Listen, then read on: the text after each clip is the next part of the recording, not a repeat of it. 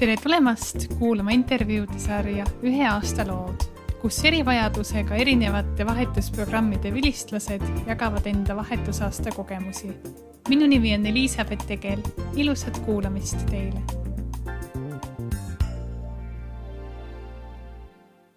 minu esimeseks külaliseks on Anneli Brandt. Anneli käis tuhande üheksasaja üheksakümne kuuendal aastal vahetusaastal Ameerika Ühendriikides, täpsemalt Philadelphias Overbrooki pimedate koolis. Anneli, suur tänu sulle, et sa oled nõus enda lugu jagama. kas sa saaksid palun kõigepealt natukene ennast tutvustada? no tere, tere mm mina täna tegelen siis või noh, tegelikult olen ma juba aastaid tegelenud müügi ja turundusega ehk et täna olen siis müügidirektor ja sellises ettevõttes nagu Mandatum Life, mis kuulub äh, Sampo gruppi ja tegeleme siis finantslahendustega ja elude kindlustamisega. kui tulla nüüd äh, selle programmi juurde, mille raames sa Ameerikas käisid, siis kuidas, kuidas sa üldse sellest võimalusest kuulsid või kuidas sul see mõte tuli, et Ameerikasse minna? No sellest võimalusest ma kuulsin äh, ehk äh, seetõttu, et äh, kui ma olin väike, seitsmeaastane, siis silmaarsti soovitusel pandi mind siis Tartu Emajõe kooli õppima mm, -hmm. kus siis väga paljud vaegnägijad on õppinud ja ka pimedad ja tolleaegselt võib-olla noh, lihtsalt suunati, kuna oli nii lihtsam. ja, ja kuna meil seal koolis äh, Äh, pakuti siis osaleda selles programmis ühele teisele neiule, kes tegelikult sinna ka suundus enne mind, aga isiklikel põhjustel pidi siis või oli sunnitud natuke tagasi tulema, et kõik oli hästi, aga elu tegi omad pöörded. ja siis, kui ma nüüd õieti mäletan, siis minu arust oli see Maie Põldmäe, tolleaegne armastatud kekaõpetaja ja ja me tegime temaga igasuguseid toredaid asju veel seal kooli ajal ja tema siis tuli ja rääkis mulle sellest võimalusest ja võib-olla sellepärast, et ma olin äh, üks nendest, kellele väga-väga meeldis inglise keel ja ma vist rääkisin ka seda väga hästi. ja tuli ja pakkus ja rääkis mulle, kas ma tahaksin proovida. ma olen olnud alati selline pea ees vette hüppaja, ütlesin muidugi. ja nii siis see kuidagi alguse sai, et et äh, tegin oma avaldused ära, kool võttis mu vastu, aga et sinna sõita oli siis ikkagi vaja see raha leida, et see õppemaks oli päris suur. kas sa oskad öelda, et äh, mis selle programmi nimi oli ja kas see eksisteerib ka tänapäeval? tead, ega ma nii täpselt ei mäleta, see kool, kuhu mina siis läksin, asus Philadelphia's ja see kooli nimi oli Overbrook School for the Blind ehk et tegelikult selles koolis õppisidki nägemishäirete ja, või, või siis täiesti nägemispuudega inimesed, on ju. Mm. -hmm ja nad suvel või siis seal nagu aastaringselt selle kooli kõrval tegid ka selliseid eriprogramme. Ja seesama, kus mina käisin, oligi siis international program, mille peamine eesmärk oli siis ise seda keelt õppida. Äh, noh, ilmselgelt ka see selline rahvusvahelise seltskonnaga koos elamine, hakkama saamine ja siis äh, erinevad sellised arvutiprogrammid, äh, mida siis noh, tagasi tulles edasi õpetada ja anda. aga ma usun, et see kool iseenesest Philadelphia's kindlasti eksisteerib. Nad tolleaegselt olid juba ju väga pikalt, mitmekümneid aastaid tegutsenud, nii et kes vähegi tunneb huvi, et kas sellist programmi üldse veel tehakse, siis kindlasti ma usun, et midagi nad teevad. milliseid abivahendeid sa muidu oma igapäevaelus kasutad ja ma küsin veel seda ka, et kui sa mõtled tagasi oma kandideerimisprotsessi peale, siis kas see oli sinu jaoks ligipääsetav või sa vajasid seal ka mingisugust abi? tead sa, ma arvan, et äh, kui me mõtleme selle peale, et minu nägemispuue, jah, ma olen äh, kaasas, mul on nagu kaasasündinud see, et ma ei näe väga hästi väga kaugele. küll aga ma sõidan autoga, prill on peas ja kõik on need, võib-olla minu puhul on see natuke noh, niisugune leebem, et mul ei ole väga palju selliseid abivahendeid äh, vaja, kui sa mõtled seda hakkama saamise poole pealt, on ju. et äh, ma arvan, et kõige olulisem selle asja juures, ükskõik, kas sa näed hästi või sa näe või sa ei näe üldse, on see tahe ja julgus proovida ja minna, sest äh, sellest sõltub ju nii palju, et kui sa ise oled hakkamist täis, siis väga palju toredaid ja väga palju abivalmis inimesi on. Ja kindlasti mm, noh, ka näiteks mina puutusin ju kokku väliseestlastega ehk et nad teadsid, et ma sinna kandideerin ja soovin minna, siis nemad on no tõesti igal sammul püüavad aidata nii, kui saab. oi, seda on väga tore kuulda. mida sa selleks muidu tegid, et sponsoreid leida ja mida sa soovitaksid teistel noortel teha, kellel on vaja vahetusaastaks sponsoreid leida? tead, kui esiteks, kui sa veel käid koolis, eks ju, et äh, mina ju läksin tegelikult Ameerikasse nii, et äh, mul jäi keskkooli viimane klass tegemata ehk et see oli teadlik otsus nagu julge memm, nagu ma olen mm. -hmm. võtsin siis aasta vabaks ja läksin Ameerikasse ja mul, mul on hea meel, et läksin aga need, kes siis käivad, et kindlasti pingutage koolis, et kui teil on äh, head äh, hinded, mida ette näidata, kui sa oled niisugune aktiivne ja toimetad koolis, siis see kindlasti nagu annab hästi palju plusspunkte juurde. Ja seda sellest vaates, et nähakse, et sa oled selline julge, toime, noh, toimetad, oled asjalik, et kindlasti see on hea. Aga kuidas nagu leida need sponsorid, siis noh, kui me nüüd kujutame ette, et mina siis üheksakümmend las ma siis mõtlen, ma sain teada üheksakümne kuuenda aasta kevadel, vahetult enne kui me klassiga sõitsime Saksamaale.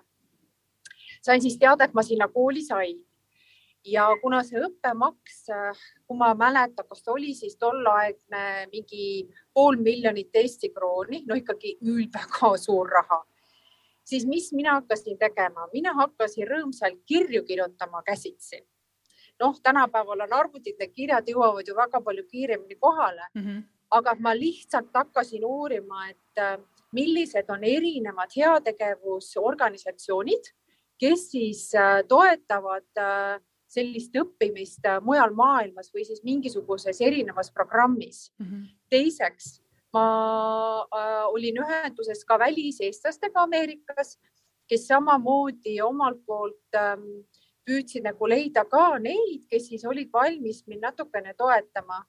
ja, ja kindlasti see kool ise, et see programm, kuhu ma astusin, et ka nemad siis äh, püüdsid neid tudengeid, kes siis otsisid seda rahalist toetust, püüdsid siis ka vaadata, kuidas siis nemad nagu seda fondiga saaksid toetada aga, aga jah, silmad lahti hoida, mitte ainult Eestis neid organisatsioone otsida, vaid et minul õnnestus, ma tõesti ei mäleta selle organisatsiooni nime, aga nemad olid pärit Hollandist ja nende summa, oh, seda ka ju enam ei mäleta, aga ma mäletan ainult seda, et nende panus minu minekul oli ka väga suur.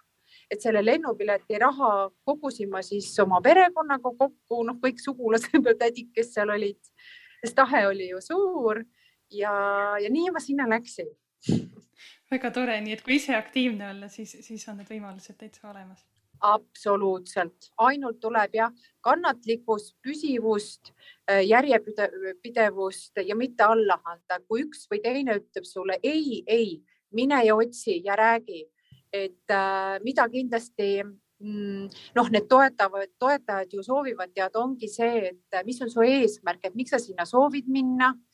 Mis, mis sa selle teadmistega, mis sa nüüd sealt äh, koolist siis saad, mis sa nendega edasi teed mm. -hmm. ja kui sa ütledki, et äh, noh, mida rohkem sellist ühiskonnale tagasiandmist on, seda rohkem kindlasti ka toetatakse, eks ju, kui sa lihtsalt ütled, ah, ma oma lõbuks noh, võib-olla siis mõeldakse, okei okay,, tore küll, aga et, äh, et ja. viimane küsimus selle kandideerimise kohta. Kas sa mäletad, kuidas sinu pere sellesse vahetusaastale minekusse suhtus ja kas teil olid ka mingisugused hirmud vahetusaasta osas? tead ma arvan, et äh, võib-olla see, vaata, et laps käis juba tegelikult seitsmeaastaselt Tartus koolis on ehk et tegelikult mu ema-isa on Maardust pärit ehk et siin Tallinna külje all ja ma pidin seitsmeaastaselt juba kuhugi Tartu linna üksi minema. Et see teadmine, et su laps on kuskil eemal, võib-olla see, noh, nad olid juba sellega harjunud, onju.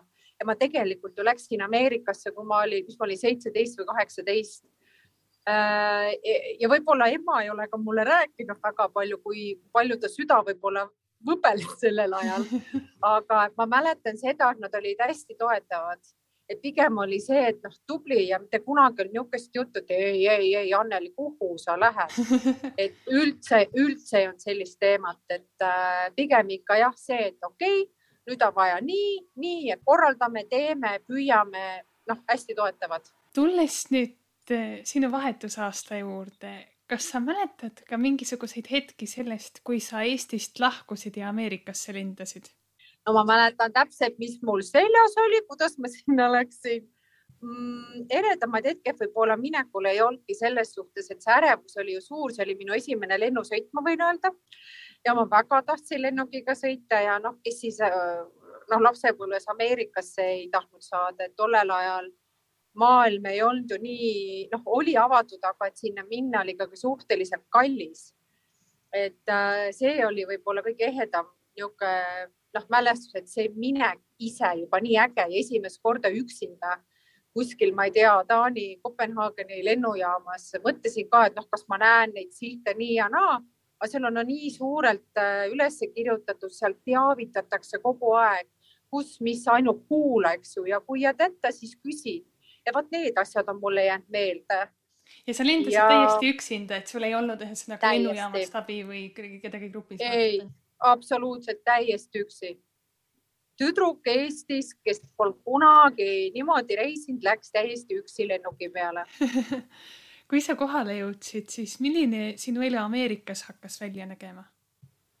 no ühesõnaga seal ühiselamus meil oli rahvusvaheline seltskond, igalühel oli siis nagu oma tuba, et selline privaatsus oli olemas ja mina siis vahepeal käisin siis ühe mees oli väliseestlane ja naine siis või abikaasa oli tal ameeriklanna ja teinekord käisin jälle ühe ameeriklanna juures, üks naisterahvas oli koos siis ühe Hispaania tüdrukuga, et noh, mhm. sellist niisugust kohalikku pereelu ka kogeda. ja kui kaua te nende perede juures siis olite, et kas teid võeti niimoodi üle nädala korraks või olite te pikemalt? ja, ja oligi niimoodi, et üks nädalavahetus olime siis seal ühiselamus kõik koos ja teine nädalavahetus olime siis nende perekondade juures kuidas sul orienteerumine Ameerikas läks ja kas sul tekkis ka mingisuguseid raskuseid sellega? tead sa, mulle nii ei meenuks, mis meil tehti seal programmis, oli kohe see, et meil oli orienteerumistunnid. ja kui sa nüüd kujutad ette, kui sa võtad ühe, Ameer ühe suure Ameerika linna nagu Philadelphia ja seal on piirkondi väga erinevaid, on meeldivaid piirkondi ja on väga ebameeldivaid piirkondi aga meil tehti selline orienteerumistund, kus me siis sõitsime selle õpetajaga bussiga, sõitsime ühte sihtkohta. ta andis sulle kaardi ja sa pidid ise tagasi minema. põhiasjad ta ütles sulle ära. noh, kui seal on, vaata suures linnas võib olla väga ohtlikke piirkond, piirkondasid ka, kuhu ei ole sul mõtet oma nina toppida. aga sina kunagi niimoodi ei viidu ka sind aga põhiasjad ta selgitas ära ja noh, minu jaoks ei olnud mingi probleem, noh, võtsid selle bussi ja sõitsid, läksin valesse, sain aru, oi, sõidan valele poole, marss, tulin maha metroo pealt. et aga ta, mida see õpetabki, ongi see, et sa julged abi küsida, et nii kui sa tunned, midagi on kahtlast või ei ole kindel, küsid. nii et jah, meile nagu õpetati see põhiasi, põhiasi ära mm. -hmm. väga tore aga kuidas sul muidu selle Ameerika kultuuriga kohanemine läks, kas oli midagi, mis oli sinu jaoks nagu väga uut ja ootamatut ka, et mida sa, mida sa ei osanud eeldada? ma arvan, see, et vaata nii vabalt, kui meie täna siin äh, kõnnime või oma lapsi viime, siis seal seda ei ole. et seal on ikkagi, esiteks need vahemaad on väga palju suured, teiseks on see, et need piirkonnad, et see on hea, kui sa tead, kuhu sa satud. Äh, ja minu jaoks võib-olla oligi nagu see, et äh, noh, kui õhtu oli pime siis me tohtisime olla ainult seal territooriumil, me välja ei tohtinud minna. no see on puhtalt nagu turvalisuse eesmärgil, eks. et ähm, noh, kui sa õppima lähed, teine asi on see, et kui sa lähed näiteks ülikooli, siis ega ülikoolis on ka tõenäoliselt tee endale selgeks, et äh, millised on need head piirkonnad, kus on okei okay käia õhtuti, millised on need piirkonnad, kuhu ära nagu topi oma nina et, äh, et noh, nii oli seal ka, et võib-olla see oli minu jaoks nagu kõige niisugune, noh, ma ei stressanud, ma olen kogu aeg iga asjaga nii, ma väga ei stressa, ma nagu kohanen hästi kiiresti, ülikiiresti, et mul on mm -hmm. nagu mhm. tänapäeva tööl on ka, ma kohanen hästi kiiresti mm. -hmm. nii et sul siis koduigatsust ka väga palju ei tekkinud? ei, ausalt öeldes, musta leiba tahtsin musta leiva ema saatis mulle postiga tollel ajal, siis kuivatas ta ära ja saatis postiga pani Kalevi šokolaadi ka, elu oli jälle ilus oh,. aga ei, sest ma Ameerikast ju, kui see programm läbi sai kevadel, siis ma tegelikult ju läksin oma sõbra juurde Kanadasse Ah, eh, Alberta provints ja seal ma olin ju ka peaaegu kolm kuud, eks ju, ja siis kooli pärast tulin Eestisse tagasi mm. -hmm. aga mul ei olnud kordagi niisugust nagu väga suurt igatsust, sest mul oli lihtsalt nii põnev. milline sinu sealne kool oli ja millises regioonis see asus? Eh, kui sa räägid nüüd sellest Philadelphia's, kus see kool oli, jah ja.? okei okay,, see kool oli selline, et ta tegelikult oli nagu koostis ühiselamuga et äh, tal oli selline oma suur maa-ala, koolimaja oli eraldi majas, ühikas oli teises majas äh,. seal oli huvi, väga palju huviringe oli olemas, siis sa said sportida, sisehall oli seal, said, käisime jooksmas ja tegime seal igasuguseid asju. et noh, sa ei tundnud nagu otseselt millestki puudust kuna see kool oli siis mõeldud nägemispuudega õpilastele, siis kas seal kasutati ka mingisuguseid kohandusi, et see oleks õpilastele ligipääsetav? ja ikka selles mõttes, et Ameerikas on noh, sellel ajal, kui ma mõtlen Emajõe kooli peale ja praegu selle Ameerika kooli peale, siis noh, nad olid ikkagi, ma ei tea, mitukümmend sammu meist ees, et seal on väga hästi noh, need kõik see teerajad on märgistatud, kuidas sa kuhu lähed, eks ju kõik need, äh, kui on valgusfoorid, noh, kõik on nende piiksudega, eks ju, et sa saad aru, kus sa oled. Äh, bussi peale minnes ka sul teavitatakse, kus sa oled, mis peatus on. noh, tore on näha, et Eestis on ju ka täna nüüd see olemas, aga uskuge mind, et kes iganes nüüd seda, neid mõtteid kuulab või, ja, ja tekib selline mõte, et tahaks minna seal, on väga palju panustatud selle jaoks, et pimedad või siis vaegnägijad saaksid hakkama liikumisega, ükskõik kuhu vaja minna on. noh, ratastooliga samamoodi, et osad on ju, noh, on mitu puuet, on nägemispuudele veel mingisugune puu, et äh, ega selle peale on mõeldud, et see ratastoolis laps on ju või, või kes kõnnib halvasti, et tal on see kaldtee olemas, ta ilusti pääseb ligi igale poole. kui sa mõtled tagasi nende tundide peale, mis sul seal koolis olid, siis milliseid tunde sa seal täpselt võtsid ja mismoodi, mismoodi need olid sinule ligipääsetavaks tehtud või üldse nägemispuudega õpilastele? no meil oli nii nagu ikkagi Eestis ka, et nüüd, kui me läksime siis tundidesse ja need tunnid, mis meil siis olid, olid keeletund äh, läksid siis nagu grammatiline osa, siis oli selline äh, nagu meil on siis kirjandus, eks ju, et natuke seda osa, siis me õppisime avalikku esinemist, mida sellel ajal Eestis üldse ei õpetatud, et kuidas siis esineda, kuidas oma mõtteid avaldada, et seda tegime ähm,. siis meil oli seal näitleja meisterlikkus ikka tegime seal lavastuse ka, ma mäletan, kõik võeti linti, mul on isegi see kuskil veel mälestustena alles ja see oli väga vahva, siis mina käisin, võtsin seal hääleseadet, ma käisin laulmas, oli võimalik käia. ja mõni teine käis seal mingisugust pilli õppimas. Äh, ja nii oligi, siis oli kuni lõunani välja.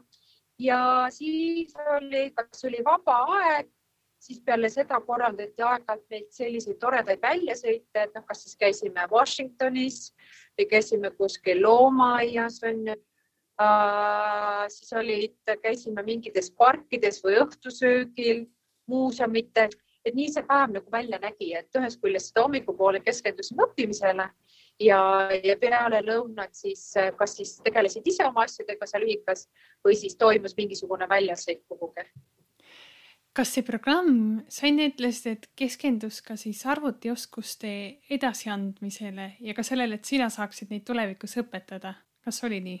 ja seal oli niimoodi, et noh, selle praegu ma mõtlen noh, et ma võiksin seda siin Eestis ka õppida. aga sellel ajal oli, me keskendusime Office'i programmid ehk et Access, Excel, Power, PowerPoint ja Word, et äh, põhiteadmised sealt, et noh, sellel ajal paljud ikkagi Eestis ei osanud seda et nüüd on elementaarseks hästi kujunenud, et noh, lähed kuhugi, kandideerid tööle, küsitakse, noh, kas oskad. et, et aga sellel ajal oli tõesti see, et see oli üsna uus asi ja mina käisingi neid programme siis õppimas ja see programmiõpe iseenesest oligi see, et me käisime kõik need põhiasjad, põhi, põhivõimalused sealt läbi ja siis toimus ka selline teadmiste test, mille me siis läbisime ja saime siis vastavad tunnistused ka. Oi, väga tore ja kas see kõik toimus sellesama Pimedate Kooli juures, kus sa õppisid või see oli mujal? ja, ja ei, ei mm -hmm. ikka, ikka seesama. okei okay., seal siis juba kasutati ka tol ajal näiteks ekraanilugejaid ja lugemisribasid ja kõiki selliseid asju? oli küll ja oli küll ja, et me programmis oli näiteks üks Poola tüdruk, kes oli täiesti pime sünnist saadik ja, ja tema siis äh, sai omavahendeid äh, kasutada, mida tollel ajal Eestis veel väga ei olnud. Milline oli sinu jaoks kõige suurem Eesti ja Ameerika kultuuride vaheline erinevus, mida sa kogesid? ma arvan, et ameeriklased on sellised hästi avatud.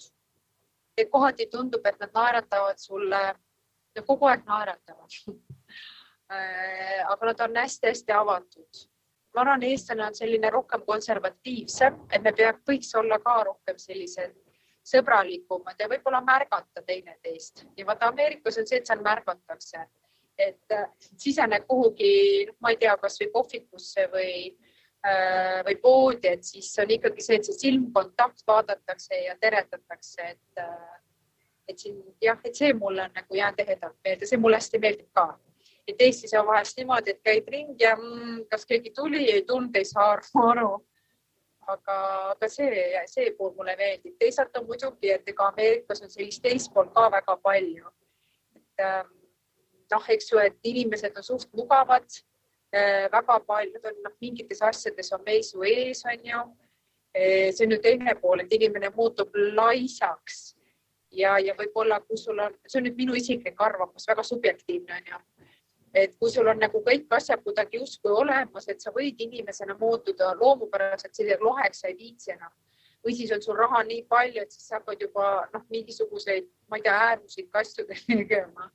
Et mulle meeldib areng, et Eestis on näha see, et meil on võimalus areneda kuhugi, meil on võimalus panustada kuhugi. ja noh, Ameerika on suur, minul isiklikult näiteks tundus, et ma olen nii pisikene killukene seal.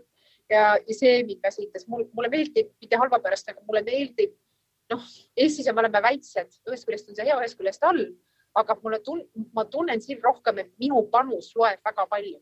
Ja mulle see tunne meeldib. Ja see on väga huvitav tähelepanek.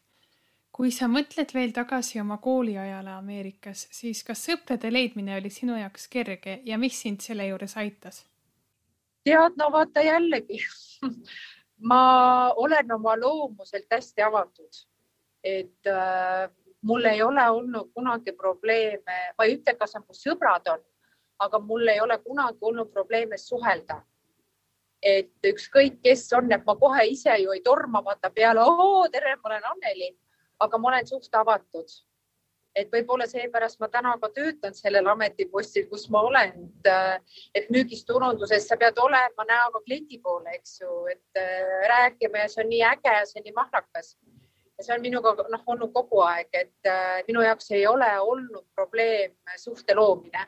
Ja kui ükskõik, kui keeruline see inimene võib olla, võib-olla kõik ütlevad, näete, on see ja too, las ta olla see ja too aga noh, ma suhtlen siis teatud asjades temaga, mitte see, et ma nagu kuidagi ei, et meil oli ka seal programmis erinevaid inimesi, aga ma, ma tulen toime kõigiga, et mul ei olnud endal küll konflikte.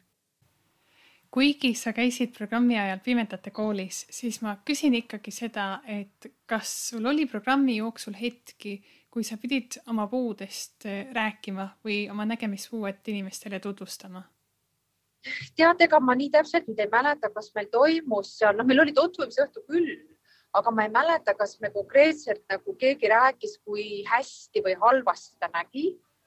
Äh, võib-olla oli.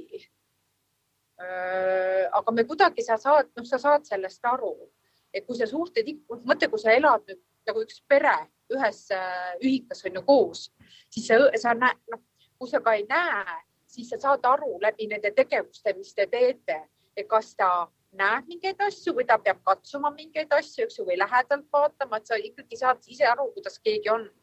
aga noh, positiivne on ju see, et äh, mitte keegi kellegi peale viltu ei vaata ja ei vaadanud. kõik oli nagu normaal, kõik oli jumala normaalne.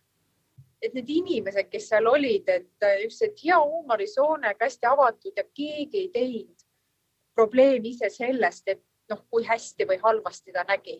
Absoluutselt, et selles suhtes ma julgustan ka, et kui keegi nüüd mõtleb, eks ju, et kuule, et noh, mul on nüüd nii, ära mõtle üldse mida enesekindlam sa oled, seda lihtsam on sul endal ja seda, seda kergem ja mõnusam sul on. ja ütle julgelt välja, nii on kas sa peale kooli said osaleda ka mingisugustes huviringides või spordis? seal ei olnud selliseid võistlusi, et me niimoodi ei teinud küll, et me käisime ise seal spordihallis jooksma, mulle meeldis joosta on ju seal. aga selliseid niisuguseid spordivõistlusi meil seal ei olnud. kas sul on nüüd lisaks nendele asjadele, mida sa nüüd juba rääkinud oled, veel mõni ere hetk või mälestus, mida sa sooviksid jagada? Ma arvan, et toredad hetked võib-olla lihtsalt ongi see, kui sul on võimalus äh, teises riigis elada Äh, rohkem kui noh, ütleme kolm kuud, et sellega vähemalt sa tunnetad seda maad, seda kultuuri. Äh, mulle tohutult lihtsalt meeldis see, et ma tõesti sain väga palju erinevate inimestega kohtuda, nii ameeriklastena endaga kui siis ka väliseestlastega. Ja see on noh, see mälestus, mis mul tänani on peas, et kui ma mõtlen neid hetki tagasi, siis tekib niisugune hea soe tunne ja noh, mul oli ka võimalus minna sinna Kanadasse sõbra juurde, noh, päris äh, indiaanlasi näha, et vot kõik sellised asjad jätavad sulle eluks pikaks ajaks märgi, kujundavad sind iseennast. ja teiste kultuuridega tutvumine muudab inimest kindlasti väga palju. Absoluutselt, et tuleb anda ainult võimaluse siit väiksest konnatiigist välja saada kui sa tagasi tulid, siis kas Eesti kultuuriga uuesti kohanemine oli sinu jaoks keeruline? no ma mäletan seda, kui ma tulin sealt lennuki pealt maha, ega ma siis kohe esimesi sõnu eesti keeles ei rääkinud. oma õe ja oma õega ma rääkisin inglise keeles teel koju. noh, kuidagi, no ma sain ju aru küll, kui ta rääkis, aga kuidagi vaata ikkagi aasta aega kogu aeg selle keele sees olla jättis oma jälje. Aga no mingid asjad olid, et noh, noh näiteks kasvõi see, et noh, minu kodu siin äh, tollel ajal ei olnud kõige ilusam võib-olla äh,. sest äh, noh, minu isa oli alkohoolik, ma räägin sellest avatult, noh, nii oli, väga paljudel peredel on ju see probleem, aga see kindlasti ei tohiks olla mitte kuskil takistuseks oma unistusi nagu elada. ja ma mäletan, et ma läksin koju, kõlab hästi kuidagi naiivselt või et nagu naljakalt onju aga mida ma tõesti armastasin Ameerikas, olid imelised tualetid oh,. vannitoad, vannitoad olid nii ilusad, nii suured, nii puhtad, modernsed. minul seda kodus ei olnud, vaata. et meil oli lihtsalt niisugune vana kuiv käimla. noh, ka puhas on ju, aga no kõik teavad Eestis, mis on kuiv käimla. et nii oli, et ma väga tohutult seda nagu kuidagi jah, väärtustasin, et see, mis sul seal ümber on seal Ameerikas, kus me elasime, et äh, see oli nii ilus ja nii armas ja nii kodu ja ma arvan, tänu sellele ma täna omaenda kodu olen ka kuidagi alateadlikult püüdnud ehitada nii, et mul on endal nii hea olla seal. Jah, see on huvitav, kuidas sellised mõjud võivad elus edasi kanduda. Absoluutselt. Ja noh, vot minul oli siis see teema, mõni teine leiab mingisuguse teise osakene, aga, aga see oli minu jaoks võib-olla kõige suurem, et noh, jälle kohaneda muidu siia kooli ja sellega, et Äh, läks, see läks ka väga sujuvalt, et ma tulin tagasi augustis, ma mäletan, ja siis septembris äh, läksin ma Tartu tagasi, on ju, ja lõpetasin siis oma keskkooli.